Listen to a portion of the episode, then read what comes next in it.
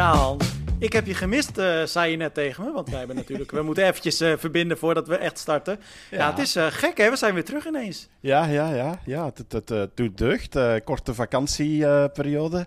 En ehm, ik, ik ja, stond er eigenlijk even bij stil bij mezelf dat ik de afgelopen twee weken meer tegen mijn vrouw heb gepraat dan tegen jou, Tim Moria. maar maar vond, je, vond je vrouw dat dan prettig of baalt ze er een beetje ja, van? Ja, dat weet ik niet. Ze heeft niet zo heel veel met inside triathlon information. Dus.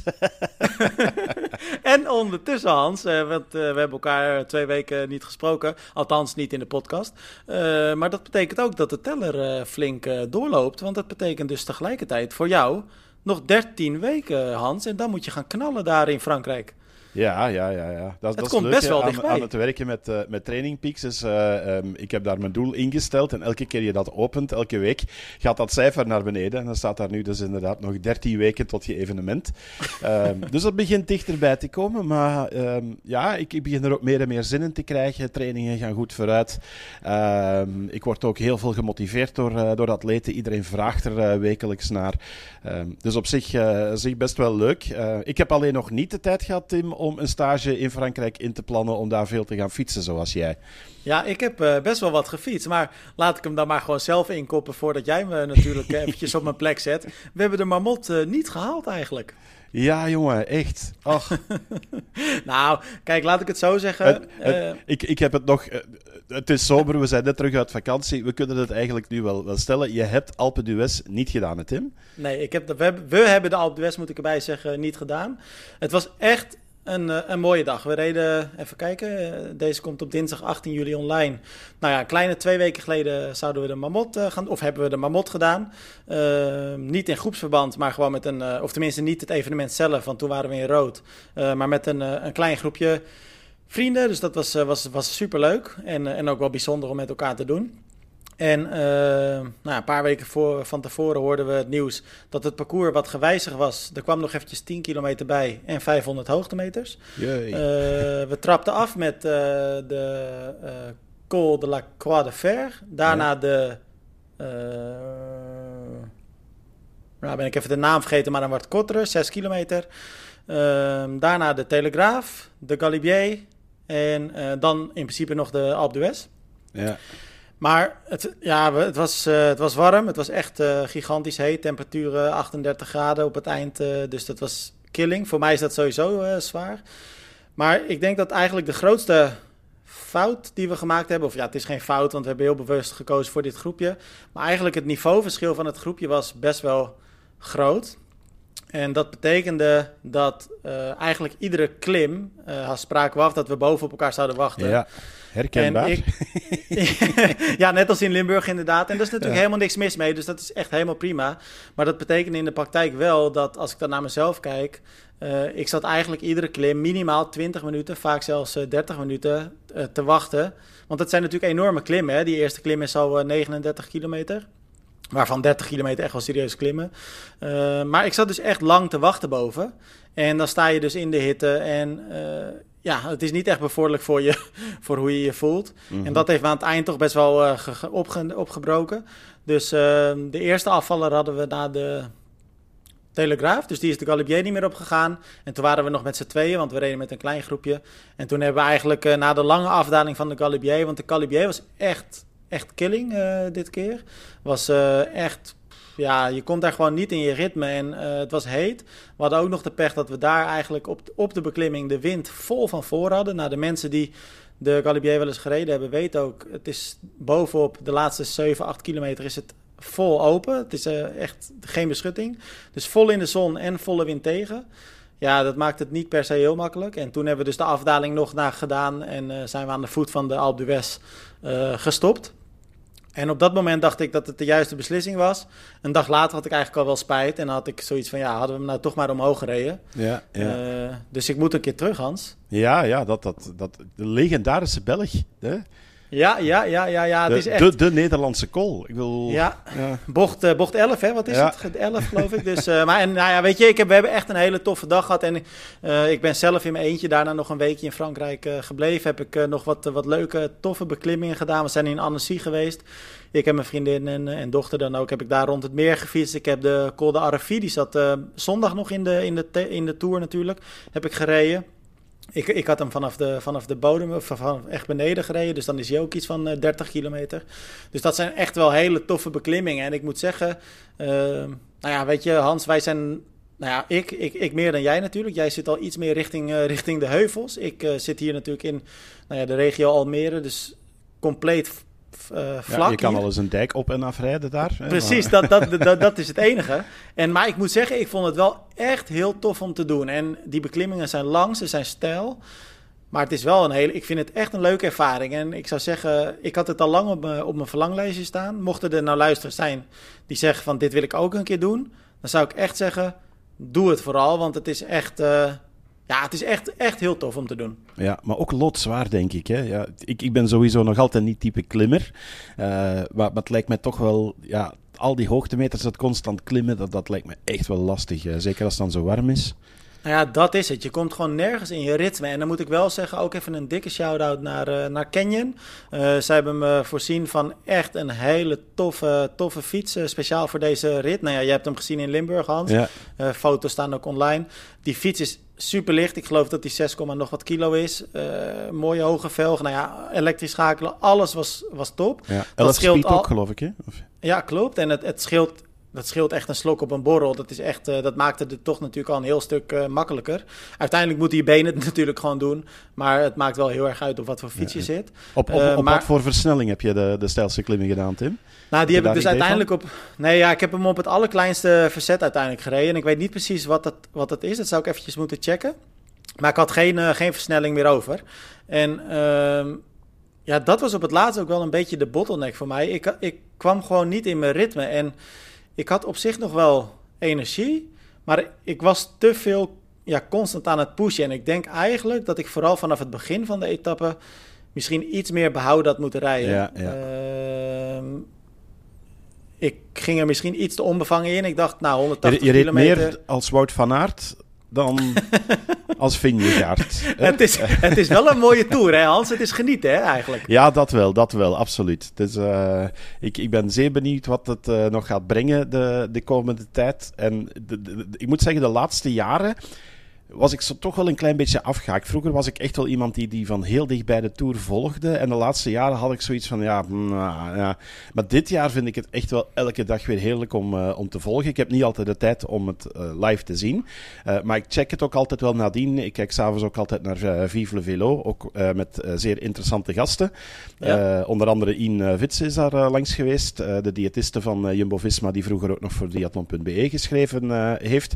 Ehm, dus dat was leuk om, om te zien. Average Rob hebben ze gehad, Mark Hermans. Eh, maar de Tour zelf, jongen, is echt fantastisch eh, om te volgen. Dus dit jaar toch met eh, iets meer aandacht die, die hele Tour aan het, aan het volgen. Ik heb precies hetzelfde als jij. Ik ben de laatste jaren ook een klein beetje afgehaakt. Maar dit jaar natuurlijk ook een beetje ingegeven door, eh, door onze deelname aan de Mamot dan.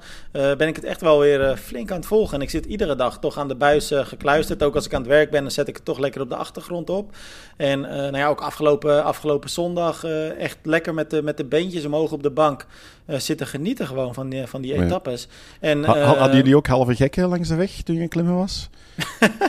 het is niet normaal hè Hans, wat daar gebeurt. Ja, ja, ja. Hoe is het eigenlijk is, om die calls op te rijden als er geen volk staat? Dat vraag ik mij ook af. Dat lijkt mij ook vreemd. Ja, je kent die calls alleen maar van de beelden met tussen rij en rij publiek. Ja, en dat, was, dat is aan de ene kant heel gek. En aan de andere kant is het ook heel erg tof. Want wij zijn om zes uur 's ochtends gestart. En dan start je eigenlijk gelijk met die Col de la Croix de Fer.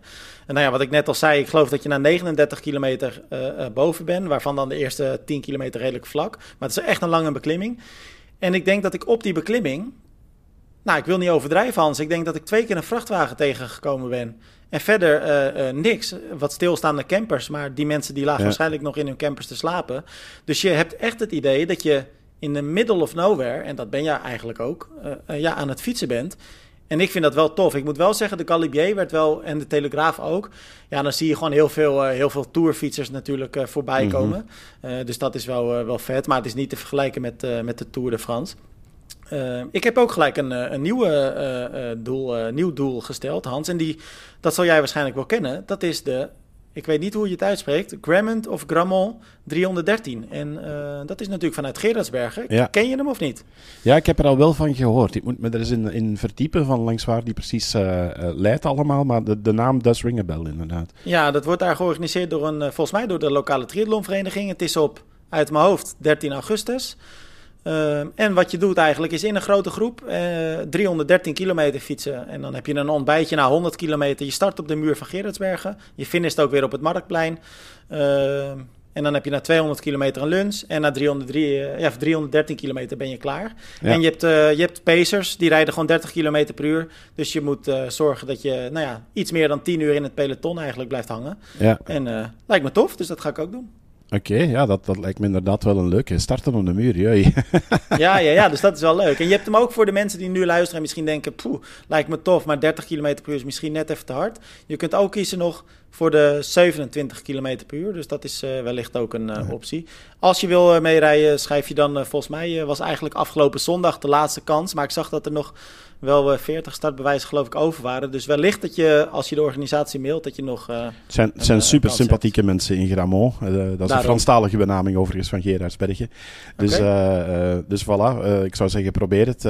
altijd, altijd leuk. Um, ik denk dat je dan misschien wel een beetje doodgaat in het wiel van een David of een Emma van der Stokt, die iedereen ondertussen kent in Gerardsbergen. Emma die ook ja. finisher was in de challenge van, van Gerardsbergen. Mooie wedstrijd daar. Dus ja, lijkt mij ook een, een toffe om te doen. Maar goed, jij hebt dus uh, de marmot gedaan zonder uh, Alpe d'Huez. Dat is zoals ik het parcours van de Challenge Gerardsbergen zonder de muur. Dat zijn dan allemaal mensen die dat niet zelf gedaan hebben, uh, die daarover beginnen. Ja. Het is een beetje zoals alle World Triathlon wedstrijden doen, behalve de Afrika Cup. Um, Tim, ja. Nee, ik kan er niks anders van maken. maar weet je wat me nou heel erg tegenvalt, Hans? Ik zat met de beentjes omhoog. We zaten aan de aan de nou ja, Franse pizza, moet ik zeggen. Het is natuurlijk, pizza is natuurlijk Italiaans, maar we zaten lekker aan de pizza in Frankrijk na de, na de rit. En de eerste Strava-comment die binnenkwam, was van niemand minder dan Hans Kleinput. En je, je drukte me gelijk met de neus op de feiten. Hè? Je zei gelijk, dit telt niet. Ja, ja sorry. sorry ja. Uh, takes one to know dus, one. Hè? Dus, uh, ja. ja. Ja, ja, Nou, en helemaal terecht. We hebben hem niet gehaald en uh, dat kan ik alleen onszelf aanrekenen. Ja. Dus, je, je, kan, je kan nog terug. Hè? Volgende week is het volop feest. Alpe d'Huez, duathlon, korte triathlon, long distance triathlon. Dus dat, is net even te ver rijden. ja, ja, ja. Maar ik ga hem, ik ga hem denk ik uh, volgend jaar en... Um, nou, waarschijnlijk volgend jaar ga ik het zeker uh, opnieuw doen. En dan is het eigenlijk ook wel mijn idee om hem misschien zelf te gaan doen. Of met een groepje dat nou ja, iets, meer, iets meer bij elkaar zit uh, qua niveau. Ik denk dat dat wel een stukje scheelt. Hans, uh, we moeten gewoon naar het nieuws gaan. Want ja. we hebben natuurlijk twee weken niet met elkaar naar triathlon nieuws gekeken. We zullen zo direct nog even wat grote dingen van ietsje langer geleden nog even bespreken. Want dat is zeker de moeite waard. Maar laten we gewoon uh, aftrappen natuurlijk met dit weekend het WK. Uh, eh, het WK ja. uh, Supersprint. En uh, ja, ik weet niet hoe jij ernaar gekeken hebt. Wij hebben natuurlijk vaker met elkaar besproken dat we niet echt heel erg fan zijn van al die rare formats van bijvoorbeeld de Super League Triathlon. Ehm, nu hadden ze ook een best wel speciaal format. Ze moesten mm -hmm. op mhm. zaterdag kwalificeren voor de finales van zondag. En die finale... vrijdag dat... voor zaterdag, ja. Oh, sorry, vrijdag ja. voor zaterdag inderdaad. En dan was het op zaterdag uh, ook wel best bijzonder, de individuele races. 30 atleten moesten ze drie keer een hele korte heat doen. En iedere heat vielen er 10 af, waardoor er uiteindelijk dus in de derde beslissende heat 10 atleten overbleven. Ik vond het heel erg tof eigenlijk. Ik weet niet hoe jij het vond. Ja, ik heb er deze keer ook uh, extra van genoten. Dat had natuurlijk voor ons alles te maken met een, een geweldige Jolien Vermeilen. Die, die ja. echt in een, een superperiode zit. Uh, de afgelopen twintig dagen uh, de ene overwinning naast de andere podiumplaats gestapeld heeft. Um, en zij haalde die, die uiteindelijke finale.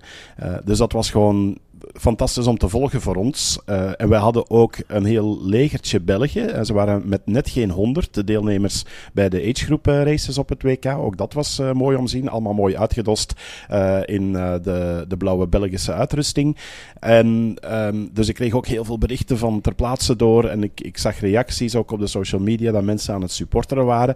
Dus het kreeg een heel andere beleving. En ik had eigenlijk een rustige zaterdag gepland. Maar dat is anders uitgedraaid. Ik heb ook een, een fietstraining van twee uur uh, moeten laten schieten. Omdat ik gewoon van minuut oh. één tot, uh, tot en met de finish ben blijven volgen. En het ging ook heel snel achter elkaar. Um, ja, dat had wel iets. Ik, ik vond het echt spectaculair om, uh, om te zien. En, en mooie wedstrijden. Fantastisch ook dat publiek, hè, Tim, in, in Hamburg. Het was echt prachtig. Kijk, Hamburg is natuurlijk, uh, staat natuurlijk ook wel bekend als een van de grootste WTCS-races eigenlijk uh, uh, van het circuit. Is altijd populair, zowel qua atleten als qua, qua publiek inderdaad. En het stond echt op sommige plekken weer rijen dik scheelt natuurlijk ook wel dat zo'n parcours lekker kort is. Hè? Het waren, waren fietsrondes van, wat is het, 3,5 kilometer geloof ik. Lopen was een rondje van 800 en 900 meter.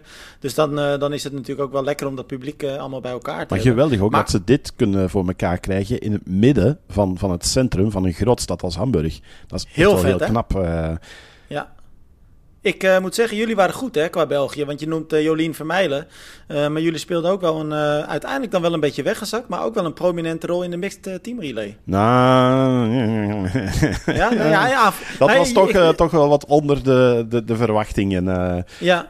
Dat, ja, de slotfase viel me tegen. Want als ik de eerste heat zaten jullie echt gelijk in de kop. Ja, dat wel, dat wel. Um, en toen dacht ik, dat gaat lekker. Maar... Ja, ja Maarten Variel die, die gestart was, die, die ook al twaalfde was geworden, um, eigenlijk op twee seconden na de, de grote finale miste. Um, dat was echt een langgerekte spurt. Ja, en, en Maarten zit met, met die, die blessure die hem bijna een jaar uit de wedstrijden heeft gehouden, zit hij toch nog niet helemaal op die, die, die absolute snelheid van vroeger. hij komt erbij in de buurt, maar zo nog net die, die, die versnelling kunnen plaatsen. Ja, en het is ook gewoon brutaal. En, en dan merk je dat je dan gewoon twee seconden te tekort komt om die tiende plaats te pakken. Dus dat maakte het nog extra uh, spannend. Ja, dan moest hij de dag nadien in uh, de Mixed Team Relay uh, vol aan de bak. Um, en ging hij eigenlijk goed mee. Um, in, een groepje op, op zo'n 15 seconden van de drie leiders op dat moment. met de Duitsers die toen al gas aan het geven waren. Dus hij heeft het eigenlijk vrij goed, uh, goed gedaan. En dan heeft eigenlijk Claire Michel de pech gehad dat ze niet kon aansluiten op de fiets uh, in de tweede leg. En daar hebben we het eigenlijk verloren. Daar hebben we het laten gaan. Um, mm -hmm. en, en, is België een beetje in niemandsland terechtgekomen. Uh, want daarvoor zat een groepje van vijf achtervolgers die ook bij die drie zijn samengekomen. En België lag op dat moment negende. Dus als je mee bent bij dat groepje, zit je mee in de kopgroep van acht en krijg je een heel ander verhaal. Um, dus dat was een beetje een, een jammere. En dan zie je ook hoe onvoorspelbaar dat, dat hele mixed team relay verhaal is. Hè? Dat uh, één slechte leg en, en uh, het, het zit erop eigenlijk. Hè? Oh, want ook voorin hè, zag je eigenlijk constant uh, uh, wijzigingen. Hè? Dan ja, was het weer Nieuw-Zeeland aan de leiding. Vervolgens was het weer Duitsland, Zwitserland. Ja, Australië die, die, die goed gingen. Portugal op een gegeven moment. Brazilië die, die dichterbij kwamen. En dan zag je die op een gegeven moment weer helemaal wegzakken. En dan denk je van, wat gebeurt hier allemaal? Dus dat was echt wel... Ja, ik, ik vond het een, een mixed team relay met, met uh, um, heel veel spektakel, heel veel wisselingen. Moet er ook wel bij zeggen, ik, ik was er naar aan het kijken um, terwijl we aan de speaker waren in Aarschot. En zijn best mijn collega, die, die zei ook van, hey, waar zitten de Fransen? Ik zei, ja, die doen niet mee. Um, nee. En als je dan kijkt, ja, de, de Britten, um, die hadden nog wel uh, Sophie Coldwell uh, erbij. En de tweede dame, dat ontgaat mij. Dan, maar dan bij de mannen uh, net iets minder niveau. Ja, die hebben gewoon de hele dag niet meegespeeld. Terwijl dat normaal gezien wel de topfavorieten zijn in de mixed team relay. Dus je zag ook wel in de samenstellingen van de ploegen van dat het een hele aparte race was. Um, en ik denk, ik, ik heb mezelf een paar keer ook de vraag gesteld terwijl ik er naar keek en ook achteraf toen ik het artikel schreef. Um, World Triathlon moet volgens mij eens heel goed gaan nadenken hoe zij de mixed team relay gaan, uh, gaan positioneren. Um, want je ziet nu ook in de samenstellingen, zoals bij de goede landen, dat de atleten die individueel echt heel diep gegaan zijn, dat die vervolgens uh, aan de kant blijven in de mixed team relay en dat er dan voor andere frisse krachten wordt gekozen Waardoor je weer een heel andere dynamiek krijgt in die wedstrijd. Zeker met teams, met atleten die al een, een lastige dag hebben gehad. Uh, bij ons kwam de vraag, waarom heeft Jolien Vermeijlen niet meegedaan met uh, de Belgian Hammers? Ik, zei, ik heb er ook op gereageerd. Ik zei, ja, die heeft vijf wedstrijden op twee dagen gedaan. En die heeft de kwalificaties gedaan, daar was ze uitgeschakeld. Dan heeft ze de, de repassage, uh, de, de herkansingen gewonnen. en dan vervolgens heeft ze dan de drie races gedaan op zaterdag en in de absolute finale gelopen. Ja, dan kan je eigenlijk niet gaan verwachten dat die ook nog eens supergoed gaat zijn in de mixed team relay, uh, geen 24 uur later. Dus dat is toch wel iets waar ik nog een beetje vragen bij stel van moet dat allemaal in hetzelfde weekend gekramd worden en, en moet daar ook niet gekeken worden naar een constructie dat je zegt van we gaan naar roep maar iets grotere ploegen waarin je reserves kan inzetten. Of, of ja, ik, ik blijf het op, op die manier toch wel een vreemde vinden. En wat vind jij van de geluksfactor van dit format, Hans? Want als je dan, ik denk dat Jolien Vermeijlen daar ook weer een supergoed voorbeeld voor is. Uh, wordt dus inderdaad uitgeschakeld in de eerste kwalificatieronde. Uh, maar vervolgens vinden ze dus in de uiteindelijke finale uh, supergoed. Ja. Uh, dus dat zegt ook wel iets over dat je toch een beetje geluk moet hebben misschien in die kwalificatieronde. Ja, je moet ook in de juiste kwalificatie uh, zitten uh, qua, qua bezetting. Um, want dat varieert dan ook nog wel eens. Dat, dat hebben we ook wel, uh, wel gemerkt. Um, ik merkte het bijvoorbeeld aan de um, dame die elfde werd op een zucht van de, de top 10. En die dan in de herkansingen roemloos werd uitgeschakeld. En dan denk ik van, je bent er zo dichtbij in de, de eerste heat. En dan in de herkansingen word je ja, genadeloos uh, uitgeschakeld. Dus het is ook wel het momentum grijpen en erbij zijn. Uh, maar je merkt ook wel, um, en, en dat heb ik ook wel een paar keer gezien, uh, mensen die merken van hier zijn gewoon tien snelle loopsters bij ik ga ze laten gaan. Ik ga me niet kapot lopen. Ik loop uit en ik ga alles zetten op de herkansingen. Ja, dat is natuurlijk ook een manier om ermee om te gaan. Hè. Dus je merkt ook wel dat het een beetje een tactisch spel is, Tim. Ja, maar ik heb ervan genoten en, en dat geldt ook voor jou. En uh, kijk, uiteindelijk, tactisch spel, uh, je moet een beetje geluk hebben. Maar dat geldt natuurlijk wel voor alle deelnemers. Het is niet dat de ene deelnemer meer voordeel heeft dan de andere. Nee, dat, dat, klopt. Betreft. Dat klopt. Uh, ik, ik, ja, ik vond hooguit in de, heb je die, die herkansing gezien van Gwen Jorgensen? Ja, dat was Wat echt gigantisch. Dat hij daar nog naar die vijfde plaats liep uh, vanuit een verloren positie. Um, echt heel snel. Je, je, voelde het dan wel aan je ellebogen van dat ze tekort zou komen uh, in de finale wedstrijden. Uh, want daar lag ze gewoon te ver achter. Um, dus ze heeft nog werk ja. aan, aan de winkel en ze zat helemaal alleen. Maar ze kreeg wel echt heel veel aanmoedigingen. En dus dat was wel mooi om, om te zien. Um, maar goed, in, in, in de mixed team relay heb ik ook genoten. Uiteindelijk was ik toch blij dat wij elfde geworden zijn en jullie twaalfde. Want ik dacht, ja, Ja. ik moet Tim Moria gaan confronteren morgen. ja, ja, ja het Met het feit dat uh, de nou. Hollanders de Belgen kloppen. Um, en dat zat er lange tijd in, hè. Wat, wat een race van Mitch Kolkman, jongen. Echt. Mits Kolkman is denk ik wel echt, uh, nou ja, ik weet niet eens of het een verrassing is, want op zich uh, uh, wisten we wel dat hij echt heel erg goed is. Maar hij is natuurlijk gigantisch jong, deed een dag eerder al de mixed relay met de onder 23 slash juniorenploeg. Daar was Ja. hij ook al, nou ja, eigenlijk wel de beste van het team. Mhm. En nu uh, inderdaad uh, op zaterdag, uh, of nee, op zondag dus, een dag later, deed hij de elite race. En samen met Rachel Klamer, Richard Murray en Rani. Uh, Mits was de derde. En hij vocht zich eigenlijk terug van uit mijn hoofd een elfde plek naar een zevende of zesde plek. Zesde dacht ik zo. Ja, zesde inderdaad. Toegegeven, de verschillen waren natuurlijk wel klein. Zaten in een groepje wat dat betreft. Maar ja, ik moet zeggen, hij, hij verbaasde me toch enigszins hoe, eh, hoe sterk die is zo twee dagen achter elkaar. En eh, ja, daarentegen misschien niet heel leuk voor Rani om te horen. Eh, zij verbaasde me ook, maar dan wel in negatieve zin. Ja, Want zij zakte toch wel flink door het ijs in, de, in, de, in, in haar heat. En Ja. verloor je- niet alleen veel tijd, maar ook veel posities. Maar je, je weet ook, in het geval, ik vind Rani ook een, een sympathieke atlete, hele sterke Zeker. zwemster. Um, ik kan op de fiets nog goed mee, maar op WTCS-niveau, op, op de World Triathlon Series, is, is haar loopniveau nog net niet genoeg om, om zeker in zo'n WK uh, Klopt. Mixed Team Relay mee te gaan met de grote. En, en ja, dan, dan word je genadeloos afgestraft. Dat, dat, dit is gewoon het allerhoogste niveau. Um, en Ja. hopelijk, ja, doet ze wat leergeld op en gaat ze sneller worden de komende tijd. En, en kan ze een, een goede reserve worden. Want ik moet ook zeggen, met alle respect voor Annie, maar ik begin dan ook te denken van ja, wat als een Maya Kingma bijvoorbeeld erbij was geweest. en als, als slotatlete um, toch nog die, die top 6 plaats had, had kunnen pakken. Um, maar goed, dat geldt bij ons ook. Hè. Bij ons kwam ook meteen de reactie van ja, wat als Jolien Vermeijlen toch had meegedaan. Um, ja, ik, ik merk wel, uh, en dat is niet alleen bij ons, ik zie dat ook bij andere landen, sinds dat ze de volgorde hebben omgedraaid, Tim, dat speelt toch ook wel zijn rol. Um, omdat eigenlijk in principe hebben wij, eh, als je vergelijkt de mannen tegenover de vrouwen, zijn Marten en Jelle uh, snellere lopers dan, dan Claire en Valerie bij elkaar. Het scheelt niet heel veel, maar, maar Marten en Jelle hebben echt die snelheid om een podium te halen in, uh, in de WTCS. Um, en die kunnen iets goed maken, maar als je de mannen laat starten en als derde, ja, dan moet een vrouw het afmaken. En ik vind dat het, het, vrouwenveld, dat hebben we ook gezien in, uh, in het WK, individueel zelf ook, is uh, qua loopsnelheid minder breed. Um, terwijl bij de man heb je een grotere groep die dezelfde loopsnelheid aan kan. Uh, bij de vrouwen zie je meteen van een, Cassandra Beaugrand gaat daar aan de leiding en je weet van oké, okay, het, is, het is gedaan, het is klaar, die gaat winnen. Dat was vanaf, ja, dat... vanaf uh, 200 meter lopen duidelijk. Uh, dus je merkt wel dat daar nu een verschil in zit in de mixed team relay, ook dat er grote gaten uh, vallen op dat vlak. Ja, en heel eerlijk gezegd vind ik dat een leukere dynamiek, maar jij blijkbaar niet dan. Of... Ja, dat, maar dat heeft puur met chauvinisme te maken.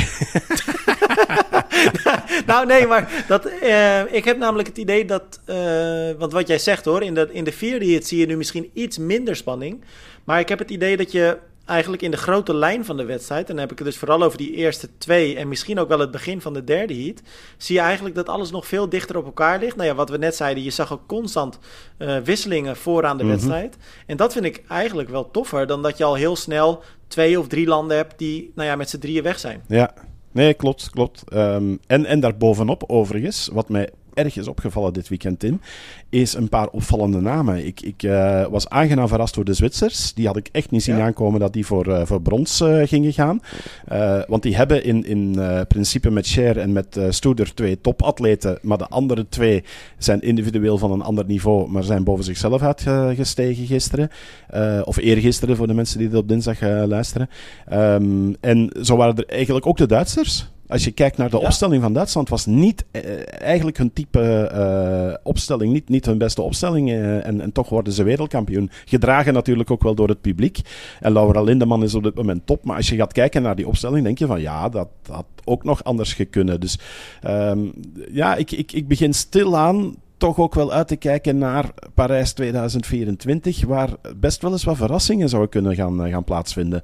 Ja, en ik weet niet hoe dat voor België is, maar voor Nederland maak ik me eerlijk gezegd een beetje zorgen of we, of we dat gaan halen. En uh, ja, er moet in ieder geval nog enigszins uh, aardig wat gebeuren voordat, uh, voordat wij ons plaatsen voor, uh, voor ja, Parijs. En dan heb ja. ik het dus over de mixed relay, hè? Ja, ja ik denk dat, dat Nederland inderdaad de, de volgende mixed team relays echt moet gaan aangrijpen. Um, nu, de laatste jaren hebben ze er altijd wel in geslaagd van er minstens één goede uh, per jaar te doen. In principe is Nederland gewoon goed in de mixed team relay. Zelfs met atleten die het individueel minder doen op de ranking, uh, merk je toch van dat ze erin slagen om in teamverband het, het supergoed te doen. Dus um, je zit natuurlijk nog met Sunderland die eraan komt en het test-event. Um, ja. En zeker het test-event, daar zijn heel wat punten te rapen. Als je daar een goede mixed team relay neerzet, met de wetenschap dat uh, Frankrijk als organiserend land geplaatst is, dat Groot-Brittannië geplaatst is en nu ook Duitsland rechtstreeks geplaatst.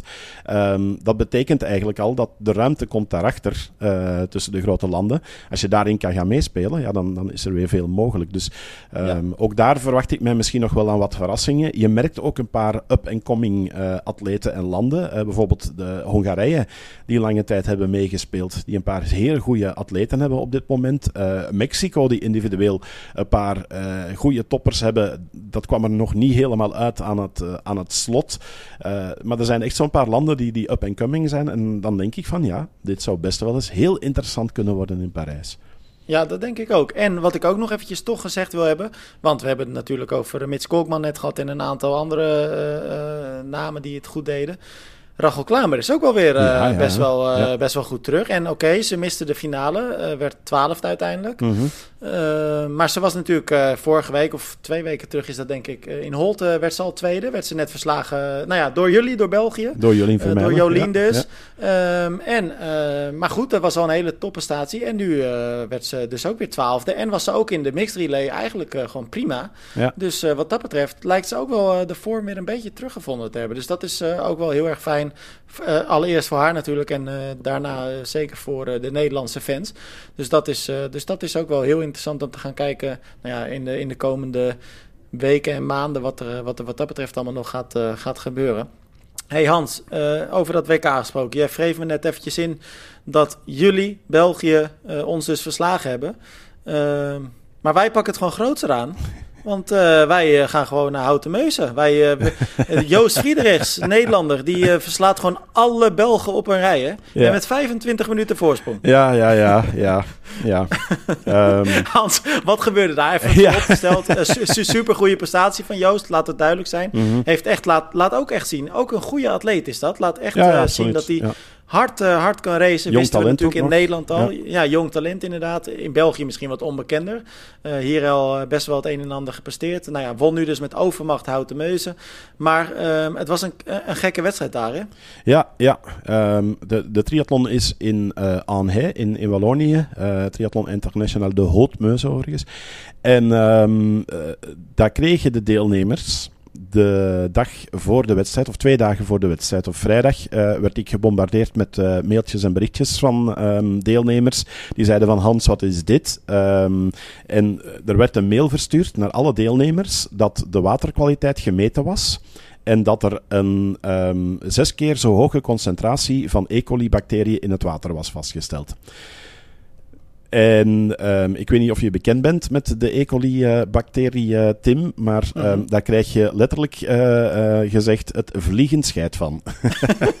Alle triatleten zijn er wel mee bekend, denk ik, toch? Ja, best ja ik denk de meeste, dingetje. de meeste wel. Het is een vaak voorkomende bacterie in het, in het water. En normaal gezien mag dat maar 2000 partikels zijn per eh, 100 milliliter. En deze zat op eh, 6000. Ehm, en in warme temperaturen, en, en zeker dus voor oudere kinderen en mensen met een lagere weerstand, is de maximumlimiet 1000 partikels. Dus hij lag zes keer hoger dan, dan die grens. Ehm, waarop de organisatie dus een berichtje stuurde naar iedereen van, kijk, je kan een formulier tekenen en op eigen risico het zwemonderdeel doen. Of je kan kiezen voor de duathlon en dus ehm, de, de zwemproef te vervangen door het lopen. Ik vind dat echt bizar. Wat vind jij ervan? ik vind dit ook een, een heel gekke eh, beslissing. Ehm, het, organisatieteam zijn toffe gasten. Eh, zij organiseren ook de Open Lakes, Exterra in, eh, in Namen. Zijn heel erg gedreven. En ik denk misschien soms iets te gedreven. Ehm, en ik denk dat zij ook wel zoiets hadden van: het zal wel meevallen. Het is de Maas, het is een momentopname. En dat wordt er ook bij gezegd van: ze kunnen niet de garantie geven van: is die waterkwaliteit verbeterd of verslechterd. Het gaat om stromend water, eh, waar altijd eh, sporen van uitwerpselen eh, in, in te vinden zijn. Het is een rivier, een grote rivier ook. Dus ja, die, die E. coli-bacterie die gaat daar altijd in voorkomen, maar gaat die dan op wedstrijddag zo ehm, eh, een hoge concentratie hebben? Dus zij wouden er gewoon voor gaan. Ze hebben hem al een keer moeten annuleren, twee jaar geleden met de overstromingen in Wallonië. Ja, daar, daar stond toen 70 centimeter eh, water op het eh, evenemententerrein en toen is de wedstrijd last minute afgelast. Eh, dus ik denk dat ze alles bij elkaar zoiets hadden van we gaan ons dat deze keer niet laten overkomen, we laten de keuze aan de atleten. Maar dat is heel bizar, want ze zeggen dan ook nog in dat bericht erbij van check voor alle zekerheid even met je arts of het in jouw geval Ja. slim is om van start te gaan. Ja, en dan denk ik van, mm, ja... En Hans, speel- want, spe- want speelt daar de Belgische federatie, de bond, speelt die daar ook nog een rol in of niet? Ehm, vroeger wel, eh, maar ik geloof, eh, maar ik, ik, ik durf mijn hand er niet helemaal voor in het vuur te steken, maar ik geloof dat ze ehm, met deze wedstrijd eh, uit het circuit zijn gestapt. Oké. En er waren al sinds geen scheidsrechters aanwezig, heb ik begrepen. Want normaal gezien, als er een hoofdscheidsrechter zou zijn, dan denk ik dat die zou gezegd hebben van het zwemmen wordt geannuleerd. Ehm, Ja, precies, want de, dat de veiligheid en de gezondheid van de atleten moet, eh, moet voorop staan. En dat was bij ons eigenlijk ook de eerste reactie van heel veel atleten en van deelnemers op social media. Die zeiden van, eh, ben je gek geworden en, en annuleer dit toch. Laat de keuze niet aan, aan de atleten. ik kreeg ook berichten binnen van trainers, zelfs van, van een, een arts die, die in een triathlonclub zit. En die zei van ja, mensen die jonger zijn, die beginnen mij gewoon te bellen. En hij heeft ook nog geprobeerd van contact op te nemen met de organisatie, maar dat ving hij bot. Um, en uiteindelijk ja, blijkt dan dat toch de helft ongeveer gestart is met het, uh, met het zwemmen. Een, goede 100 man uh, heeft gewoon de triathlon gedaan. Wat me wel opviel, um, is dat Joost Friedrichs um, en Geoffrey van den Broek, die dan uiteindelijk tweede werd, eigenlijk de enige twee grotere namen waren die gezwommen hebben. En dat de andere topfavorieten, uh, zoals de betere zwemmers, voor de duathlon hebben gekozen. En dus voor eigen ja, veiligheid. Ik denk ook van, ja, je wil je seizoen niet gaan um, riskeren door, door uh, één keer te veel te gaan zwemmen in vervuild water. Nee, dat, dat ben ik met je eens. Maar aan de andere kant heb ik wel het idee dat als ik naar de afgelopen wedstrijden waar deze problematiek speelde. Want je, nou ja, dit is natuurlijk iets wat, wat al jaren bij verschillende wedstrijden wel eens gebeurt. Uh, dan zijn het vaak, heb ik het idee, juist die, die, die profatleten, de snelle atleten, uh, die dan de keuze maar Of die in ieder geval zeggen van laten we gewoon zwemmen, stel je niet zo aan. Ja. Uh, dat kan wel. Maar nu uh, dus precies andersom. Ja, ja, ja nee, het is, het is, ik, ik blijf het heel bizar vinden. Ik vond het best nog wel veel, dat, dat, dat toch nog een goede honderd atleten voor, voor het zwemmen hebben gekozen. Um, maar, maar je merkt het overal, hè, want dit is niet de eerste keer de afgelopen weken dat we met, met het fenomeen um, veiligheid en gezondheid van atleten te maken krijgen.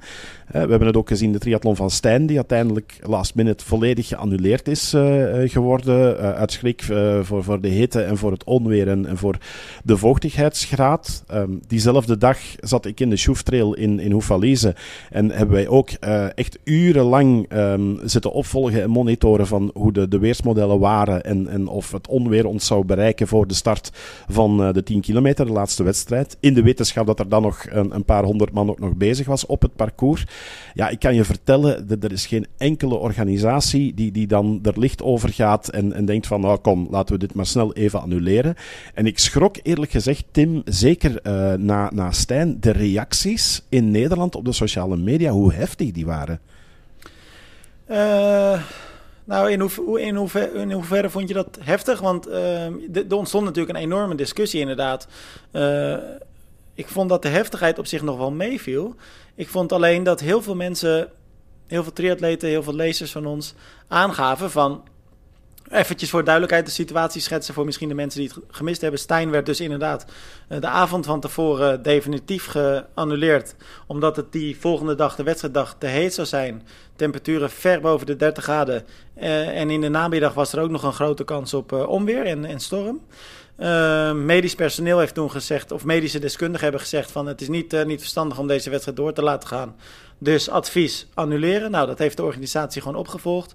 En vervolgens inderdaad heel veel reacties van atleten die zeiden van we worden veel te veel betutteld. En uh, in warme landen, Spanje, Italië, Frankrijk, noem maar op. Challenge Rood laatst nog heel, heel warm. Gaat allemaal door, probleemloos. Waarom kan het nou nooit een keer in Nederland of in België? Uh, ja, ja, op zich is het wel een interessante discussie, Hans. Ja, nee, maar dat bedoel ik met, met uh, heftig. Niet, niet dat er gescholden werd of, of dergelijke, maar dat Nederlanders zich heel hard tegen die beslissing uh, afzetten. En dan denk ik van, volgens mij is die beslissing genomen door experts, die, die goed ja. kijken naar wat kunnen hier de gevolgen van worden. Uh, ook in de wetenschap overigens dat je een 70.3 Ironman West-Friesland pas gehad hebt, die door de hitte is ontaard in iets wat je eigenlijk niet wil tegenkomen op een wedstrijd waar, waar ruim 90 mensen worden behandeld omdat ze onwel zijn geworden, mensen naar het ziekenhuis worden afgevoerd. Dus als je dat bij elkaar optelt en medische diensten zeggen van het lijkt ons niet veilig om in deze omstandigheden een halve triathlon of een lange afstandstriathlon te laten doorgaan. Ja, dan, dan dan heb ik meer zoiets van, dan moeten we ons daarbij neerleggen. Want je gaat niet over één nacht ijs uh, om, om zo'n beslissing te nemen. Dat heb ik zelf nu ook meegemaakt in, uh, in Oefalize. Dat wil ik zo dadelijk nog even toelichten. Maar ik, ik vond het frappant van hoe, hoe, vooral de Nederlanders erop reageren van ja, betutteling. En we weten toch allemaal zelf wel wat het beste voor ons is. En in warme landen gaat het wel door. Maar, ik heb dan... maar zou, je ook kunnen, zou je ook kunnen zeggen, Hans, want, want jij haalt West-Friesland aan... Ehm, ja, dat was natuurlijk een drama, maar dat had er ook mee te maken dat er eh, gewoon eigenlijk geen rekening was gehouden met die warmte. er was, Mhm. op, het, op een gegeven moment was het water zelfs op. Nou Ja. ja. dat is natuurlijk bizar. Je zou natuurlijk kunnen zeggen, althans, dat is dan een argument wat ik veel voorbij zie komen. Ik vind het lastig te bepalen eigenlijk wat ik ervan vind, maar wat ik veel zag was eh, mensen die zeiden. Ja, zet gewoon extra waterposten neer. Als atleet hou je iets meer rekening met de warme omstandigheden. Dus je doet het ietsje rustiger aan. Zorg dat je goed koelt. Dus, goed dus eigenlijk zeg je, je laat de keuze aan de atleten.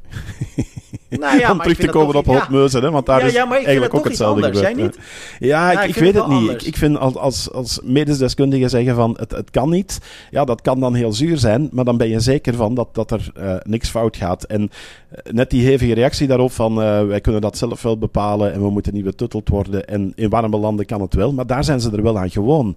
Mhm. da- daar zijn mensen ehm, in organisaties betrokken die, die jaar in jaar uit met, met hoge temperaturen leven. Voor ons zijn het eigenlijk redelijk nieuwe fenomenen van de laatste jaren. En eh, niet iedereen is daarop voorbereid. Dat is wat er in West-Friesland volgens mij ook eh, eh, gebeurde. Ehm, achteraf nog in Maar de ja. reacties veel atleten gehad die zeiden van ja, jullie eh, conclusie uit de podcast die klopt. Wij zaten in het laatste deel van het deelnemersveld en toen was er gewoon te weinig drinken bij de bevoorradingsposten. Ehm, mensen die wel aangaven van er waren wel heel veel be- bewoners die ons nat spoten met, met tuinslangen en, en dergelijke. Ehm, dus er- er werd wel heel veel aan gedaan, maar je kan dan toch niet vermijden dat, dat, het, dat het misgaat. En in Hebben ze dat nu wel vermeden, misschien iets te. Ehm, het onweer is dan ook nog eens heel erg meegevallen. Ehm, dus ja, achteraf bekeken, dan denk je van ja, hadden ze wel die wedstrijd moeten annuleren. Maar op dat moment zelf, ja, dan denk ik ook van, denk een keer vanuit het perspectief van, van de organisatie. Ja, nee, 100% eens. Want wat jij zegt, eh, kijk, er is geen één organisatie die eh, met een vrolijk idee of met een vrolijk gevoel naar de weersverwachtingen kijkt en denkt: Zo, dat is mooi, we gaan onze wedstrijd annuleren. Dat, Ja. dat is natuurlijk. Ja, bij- dat, dat is, Bij ons in, in Oefalis, het was echt spannend. Ik bedoel, we hebben echt... Ik, ik zat daar te spiekeren. Ehm, en ik ben heel vrolijk iedereen aan het binnenhalen geweest, maar wel met een klein hartje, want eh, ondertussen de, de, de race director en eh, de timer, wij, hadden drie laptops openstaan met verschillende weermodellen. Eh, Nick, de, timer, die, die had ook een model waarin hij ehm, het onweer kon opvolgen met het aantal blikseminslagen per minuut en dergelijke. En wij zagen dat constant vanaf de Franse grens steeds noordelijker opschuiven richting de Ardennen. En ja, dan zagen we de verschillende weersvoorspellingen en weersmodellen van het onweer dat er aankwam. Dan zagen we dieper rood, eh, dat dan net langs Hoefalize afging.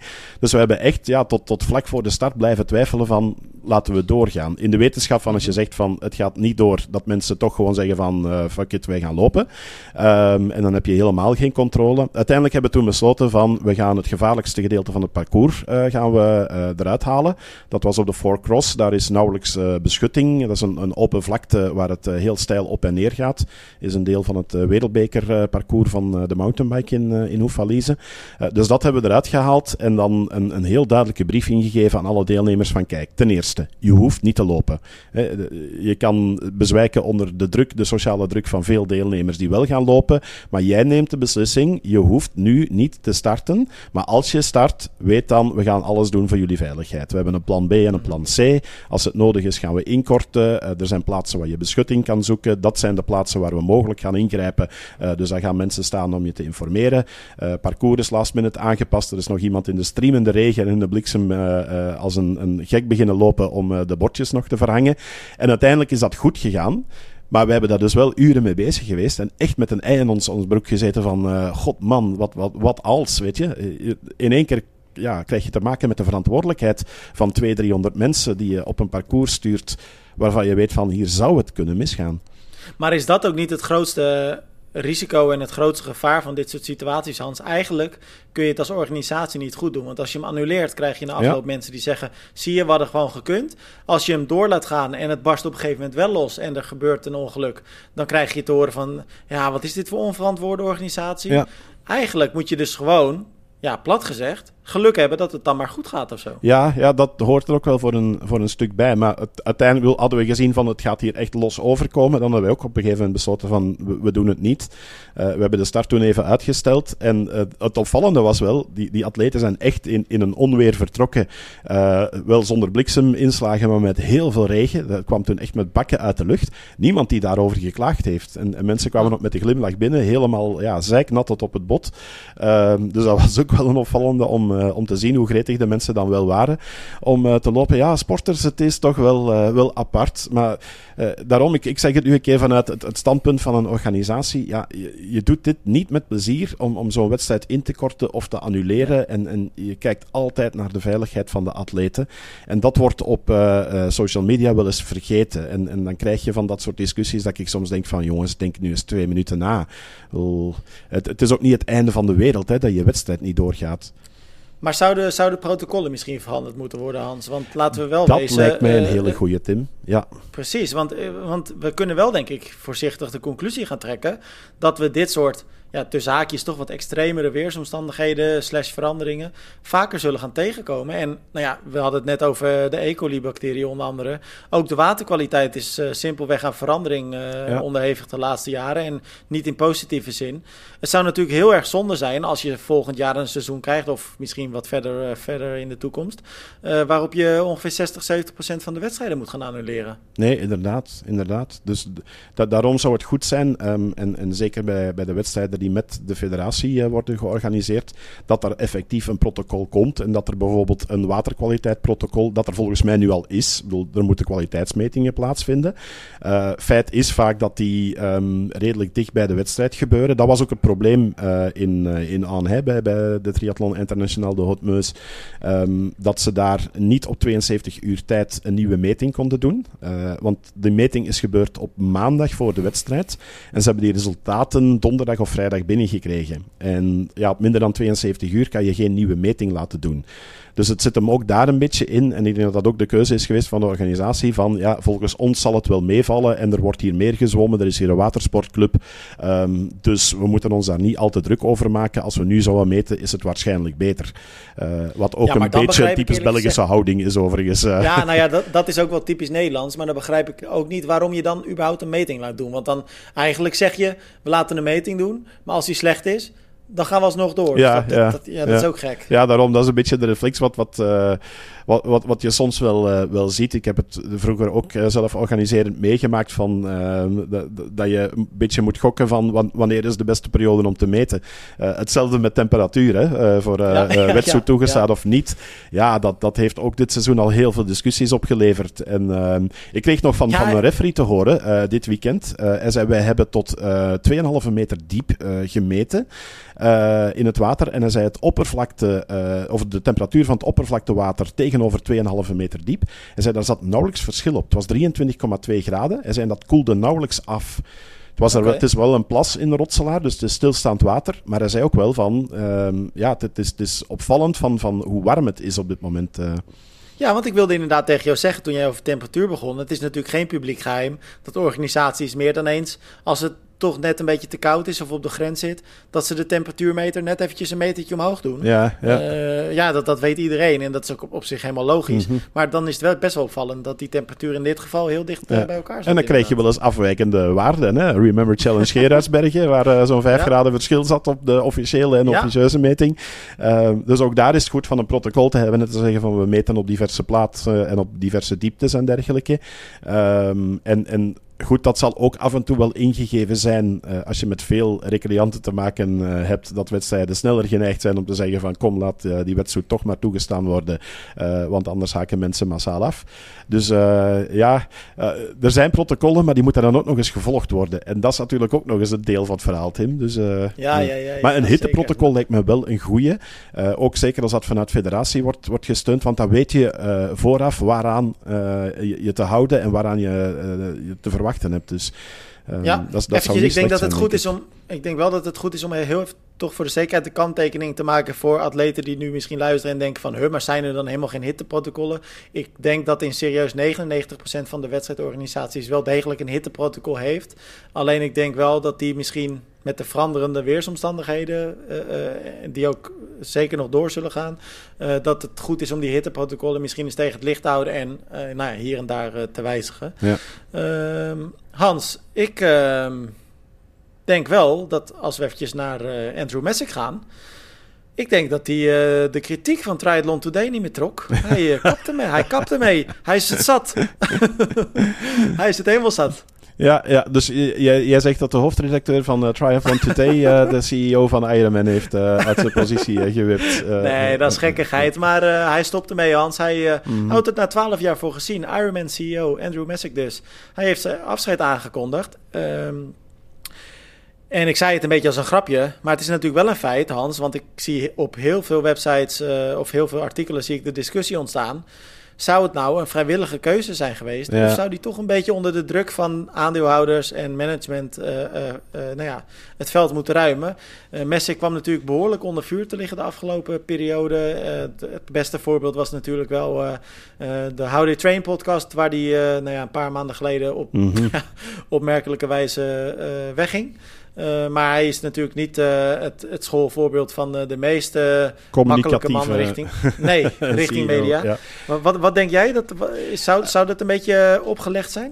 ik, ik denk dat het een, een, in het midden ligt, maar het neigt wel naar een Amerikaanse propere constructie om, om een schoon schip te maken. Ik bedoel, dat, dat je, zie je wel. Je zegt het wel politiek correct. Ja, ja, ja maar ja, dat, dat is ook de, de, de, vaststelling een beetje.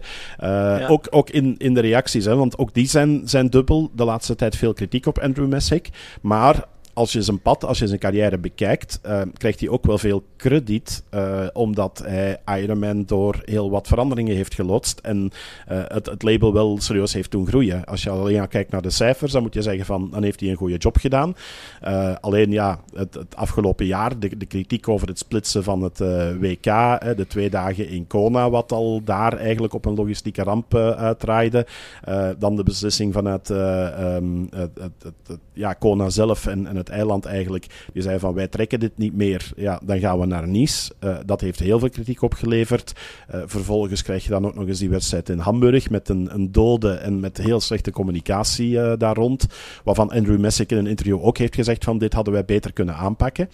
Um, opvallend overigens in dat interview, Tim, is dat hij zelf liet uitschijnen dat ehm, het weekend van Hamburg, dat toen eigenlijk de communicatie klaar stond dat hij zou opstappen. En dat hebben ze uiteindelijk niet gebracht door uh, wat er gebeurd is in, in Hamburg met het overlijden van die motaar. Um, dus dat vond ik wel een, een, een, zeer opvallende. Ik weet niet in hoeverre dat het waar is natuurlijk. Want, ja, ik geloof dat wel. Het, het zou best wel kunnen. Um, maar dan denk ik dat hij al iets langer op de schietstoel zat. En dan zet dat ook wel even uh, het in het juiste perspectief. De moeilijke communicatie uh, rond heel dat weekend in, in Hamburg. Dus uh, ja, ik, ik, zeg, ik, ik zit zelf ook met dubbel gevoel van, van langs de ene kant um, het, het, krediet voor Andrew Messick dat hij uh, van Ironman een serieuze grote brand heeft gemaakt. Langs de andere kant ook wel de kritiek van dat het, doordat het zo'n serieuze brand is, ook wel een heel erg commerciële bedoeling is geworden met moeilijke communicatie, uh, met, met een, een beetje ja, de ziel uit de sport uh, gehaald te hebben met, met de splitsing van dat uh, eh, WK Ironman. Um, dus ik blijf daar ook wel een beetje maar achter met dubbel gevoel. Ik, ik, wil dat toch wel gezegd hebben, Hans. Uh, want tuurlijk, kritiek, helemaal terecht. hij heeft zich best wel opmerkelijk gedragen, zeker de afgelopen maanden. Nou ja, ik noemde het net al, die podcast waar hij heel gek wegging. de, de, de boze mail, hè, die hebben we mm -hmm. natuurlijk twee, drie weken terug met elkaar besproken, die die eh, naar mij persoonlijk stuurde, al, in de vorm van hoofdredacteur Triathlon Today. Uh, dat zijn krankzinnige dingen, maar ik denk wel dat jij heel terecht zegt, laten we vooral niet vergeten, hij werd in 2011 CEO. Hij heeft Ironman natuurlijk heel veel gebracht, hè, en uh, hij heeft het merk echt wel ver vooruit geholpen.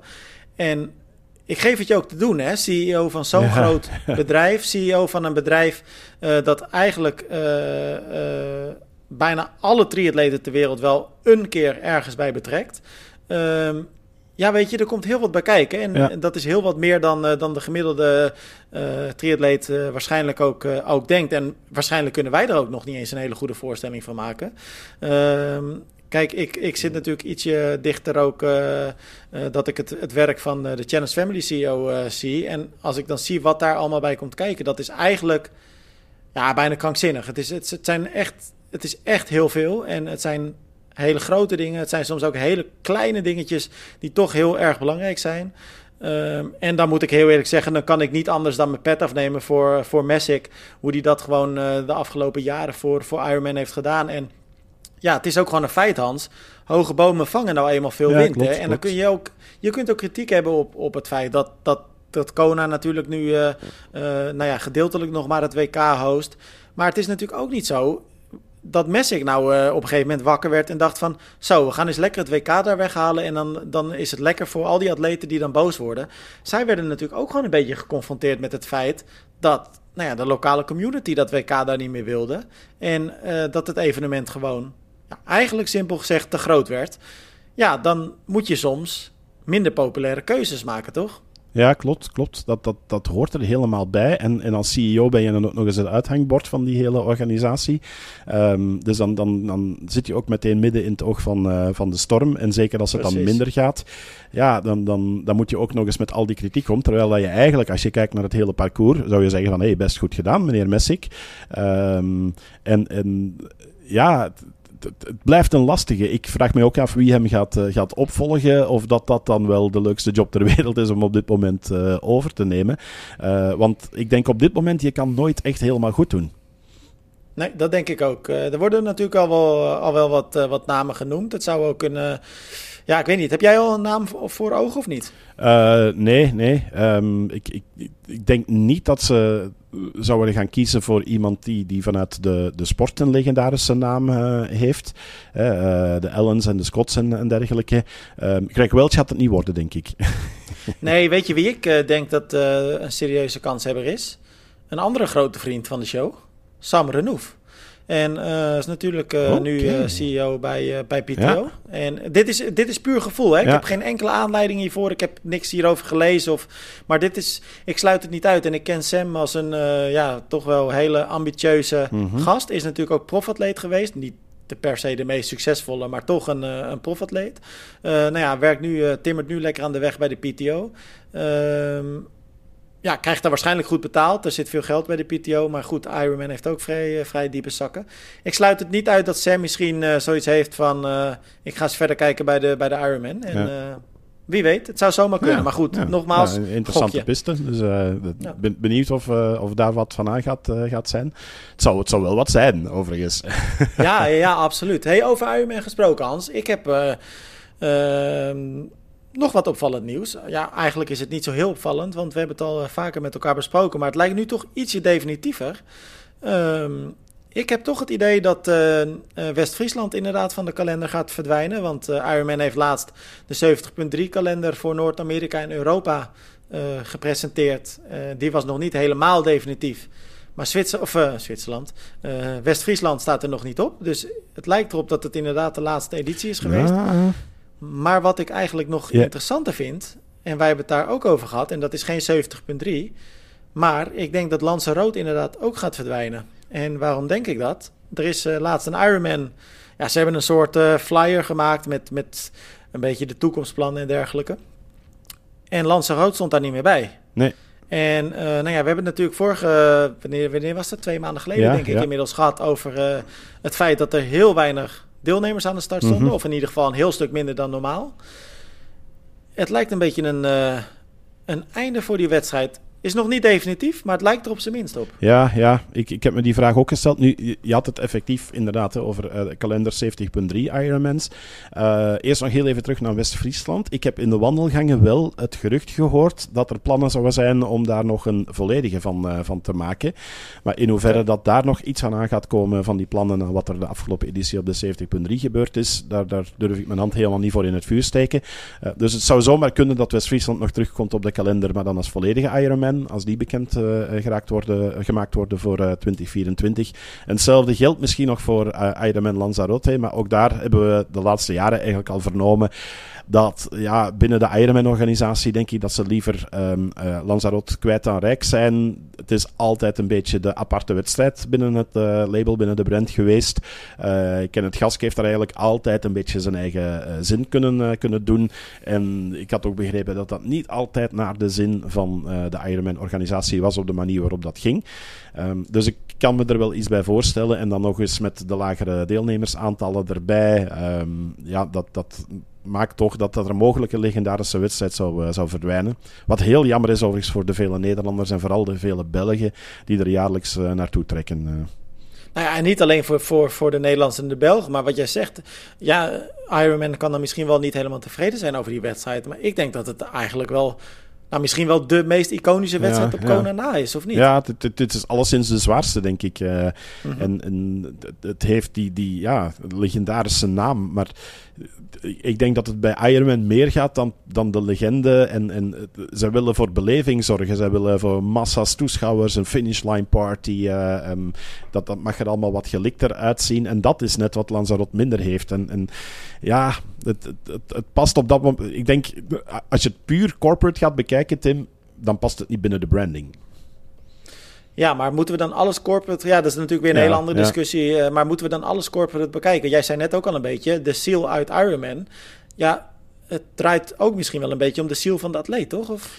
Ja, maar ja, goed. Ehm, het, er moet ook uh, geld binnengebracht worden. Ik bedoel, hier zitten serieuze aandeelhouders achter en investeerders die uh, um, ja, voor elke dollar dat ze erin stoppen, willen ze er ook wel waarde terug uithalen. Dus het, het, het, gaat altijd om de combinatie ervan. En het zou naïef zijn om te denken van het gaat puur en alleen om de, om de atleet. Ehm, ik krijg dat gevoel bij, bij Challenge Family vaak, dat het heel erg uh, toegespitst is op de atleet. Dat past ook bij de branding van, van Challenge. Maar ook daar geldt denk ik wel, uh, ja, als er geen winst kan gemaakt worden, dan houdt het ook op.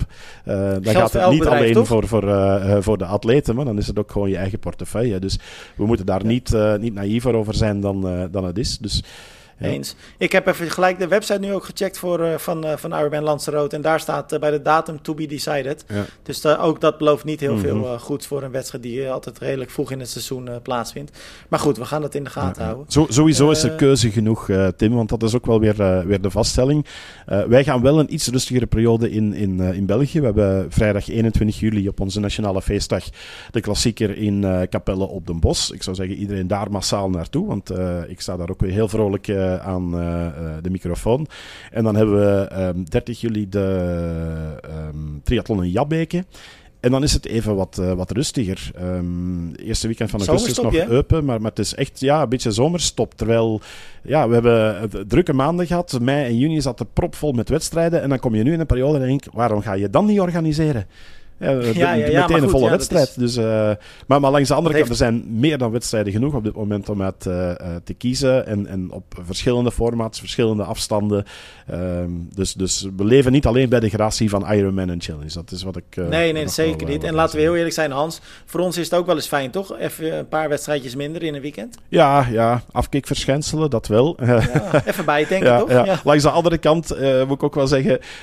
ja, zaterdag van heel dichtbij dat WK volgen We hebben ook van elke uh, heat hebben we een artikel uh, gebracht. Um, ja, dat, dat was wel even doorpezen en, en, doorwerken. Met heel veel plezier overigens, want dan zit je er ook met je neus bovenop. Uh, maar het maakt dan wel dat, dat wat eerst een rustige zaterdag zou worden, dan nog erg druk wordt, waarin ik zelfs geen twee uur kon, kon gaan trainen. Dus zo zie je maar. Ja. hey, Hans, één dingetje wil ik nog heel snel met je bespreken. En dan moeten we er denk ik een eind aan gaan maken.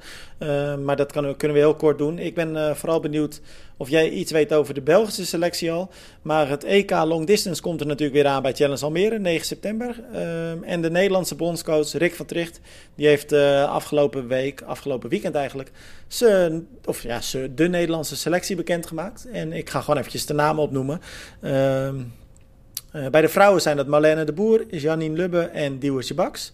En bij de mannen gaan we een strijd zien, of in ieder geval een Nederlandse strijd, tussen Milan Brons, Evert Scheltinga, Pim van Diemen, Marijn Markussen, Dennis Bakker, Thomas Hoyet en Michiel de Wilde. En last but not least, en ik denk dat dat toch uh, de meest interessante naam op de lijst is, Menno Koolhaas. Hij okay. gaat zijn debuut maken in Almere. Ja. En uh, ja, ik denk toch wel gelijk... Uh, ja, ja, ik wilde zeggen misschien wel torenhoog favoriet, maar laten we mannen als Evert en Milan nou ja, zeker Evert niet onder, onderschatten. Milan natuurlijk ook niet. Maar ik denk dat die ja, wel wat tekort komt voor het niveau van Evert en Menno. Maar ja, het, kan wel eens een hele interessante ja, Nederlandse ja, gaan worden in ieder geval. Ja, dat is wel een, een, een mooie om te zien. want even voor de duidelijkheid, hij gaat over de volledige afstand, de EK in Almere? Ja, EK long distance. En dat is in Almere, uh, zoals eigenlijk altijd, ook echt de long distance. Dus dat is uh, 3,8, 180, 42. Ja, ja want vaak uh, binnen uh, Europe Triathlon kiezen ze voor die drie vierde afstand voor de, de ja. internationale competities. Klopt. Dus goed dat, dat Almere wel de, de volledige afstand heeft. Dat vind ik nog net iets, iets, iets meer hebben. ja. Ja, precies. En dat is uh, niet alleen een EK, maar dat is voor de Nederlanders ook gelijk een NK. Dus dat is altijd een mooie strijd binnen de strijd. Uh, weet jij iets over de Belgische selectie? Uh, Kunnen we goede NK, uh, dat staat voor een Nieuwkops kampioenschap, hè? ja, dus ja, men, dus men kan nu echt voor de titel gaan. waarschijnlijk wordt er niet gezwommen, Hans. maar, maar weet jij iets over Belgen die nog Nee, ik, ik, heb nog niks vernomen van, van de selectie. Nu, bij, bij, ons wordt er vooral al uitgekeken naar augustus. Het weekend van 27 augustus hebben wij het Europees kampioenschap middenafstand in Menen bij Frederik van Lierde. Ja. ook daar heb ik de Belgische selectie nog niet uh, nog niet gezien. Um, daar moeten we eens achteraan gaan. Uh, wanneer dat die bekendgemaakt wordt, dat weet ik ook nog niet. Um, maar uh, ja, ik denk dat, dat er heel veel animo zal zijn voor, voor de thuiswedstrijd. Um, maar op zich zou je dan nog wel door kunnen gaan naar, ja, naar Almere. Op zich ligt daar net genoeg tijd tussen, denk ik, om eerst EK halve mee te pakken en dan EK volledige. Dus, ja, nou, mooie combinatie. Oké Hans, dan zijn we er voor deze week, denk ik hè? Ja, ja we hebben weer veel kunnen, uh, kunnen bespreken. Um, ook veel nog niet van de afgelopen weken. Dat komt misschien de komende tijd nog aan, uh, aan bod. Maar we zitten weer ruim over het uur. Um, al heb ik dus wel atleten meegemaakt de afgelopen tijd. Die zeiden van, uh, kan die podcast wat langer, want ik moet dringend wat meer gaan trainen. ja, Opvallend overigens wel, zich... Tim, dat in, ja. in de periode dat we er, dat we er niet waren, toen jij niet op Alpe d'Huez aan het fietsen was, maar overal anders wel in Frankrijk. Echt, echt wel knap gedaan overigens hoor. Ik blijf in je lachje maar ik vind het, ik knap gedaan. Maar heel veel mensen hebben mij erover aangesproken van en wanneer komen jullie terug online en dergelijke. Um, dus het, het, is mooi om te zien, de podcast die, uh, die leeft. Dus met dank aan jullie, de luisteraar. Um, en, en degene die zelf op vakantie gaan, die, uh, die wens ik een vrolijk verlof toe. Maar wij zijn er weer voor de rest van de zomer, normaal gezien. Maar, maar dan moet je me wel één ding beloven, Hans. En dat vind ik wel heel belangrijk. Um, het is niet zo dat jouw vrouw mij straks dan boos gaat bellen, hè? dat ze je nu weer helemaal niet spreekt. Uh. Die is blij dat ik met, met, iemand anders over triathlon praat, denk ik. Dus uh, geen probleem daar. Alright Hans, dan uh, spreek ik jou volgende week weer. Heb je deze dagen met je vrouw. En dan gaan wij volgende week gewoon weer de laatste dingen met elkaar bespreken. Helemaal top. Tot dan.